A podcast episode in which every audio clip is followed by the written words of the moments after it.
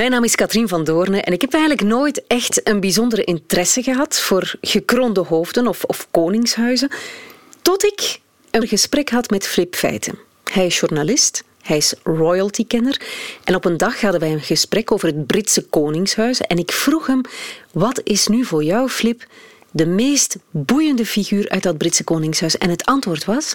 Charles. Ik viel bijna van mijn stoel. Echt waar. Uitgerekend de meest grijze, saaiste muis van de familie Windsor, zo dacht ik toch. Tot jij over Charles begon te vertellen. Hè? Ja, en er is zoveel over te vertellen. Hij is de absolute wereldrecordhouder. Troonopvolging.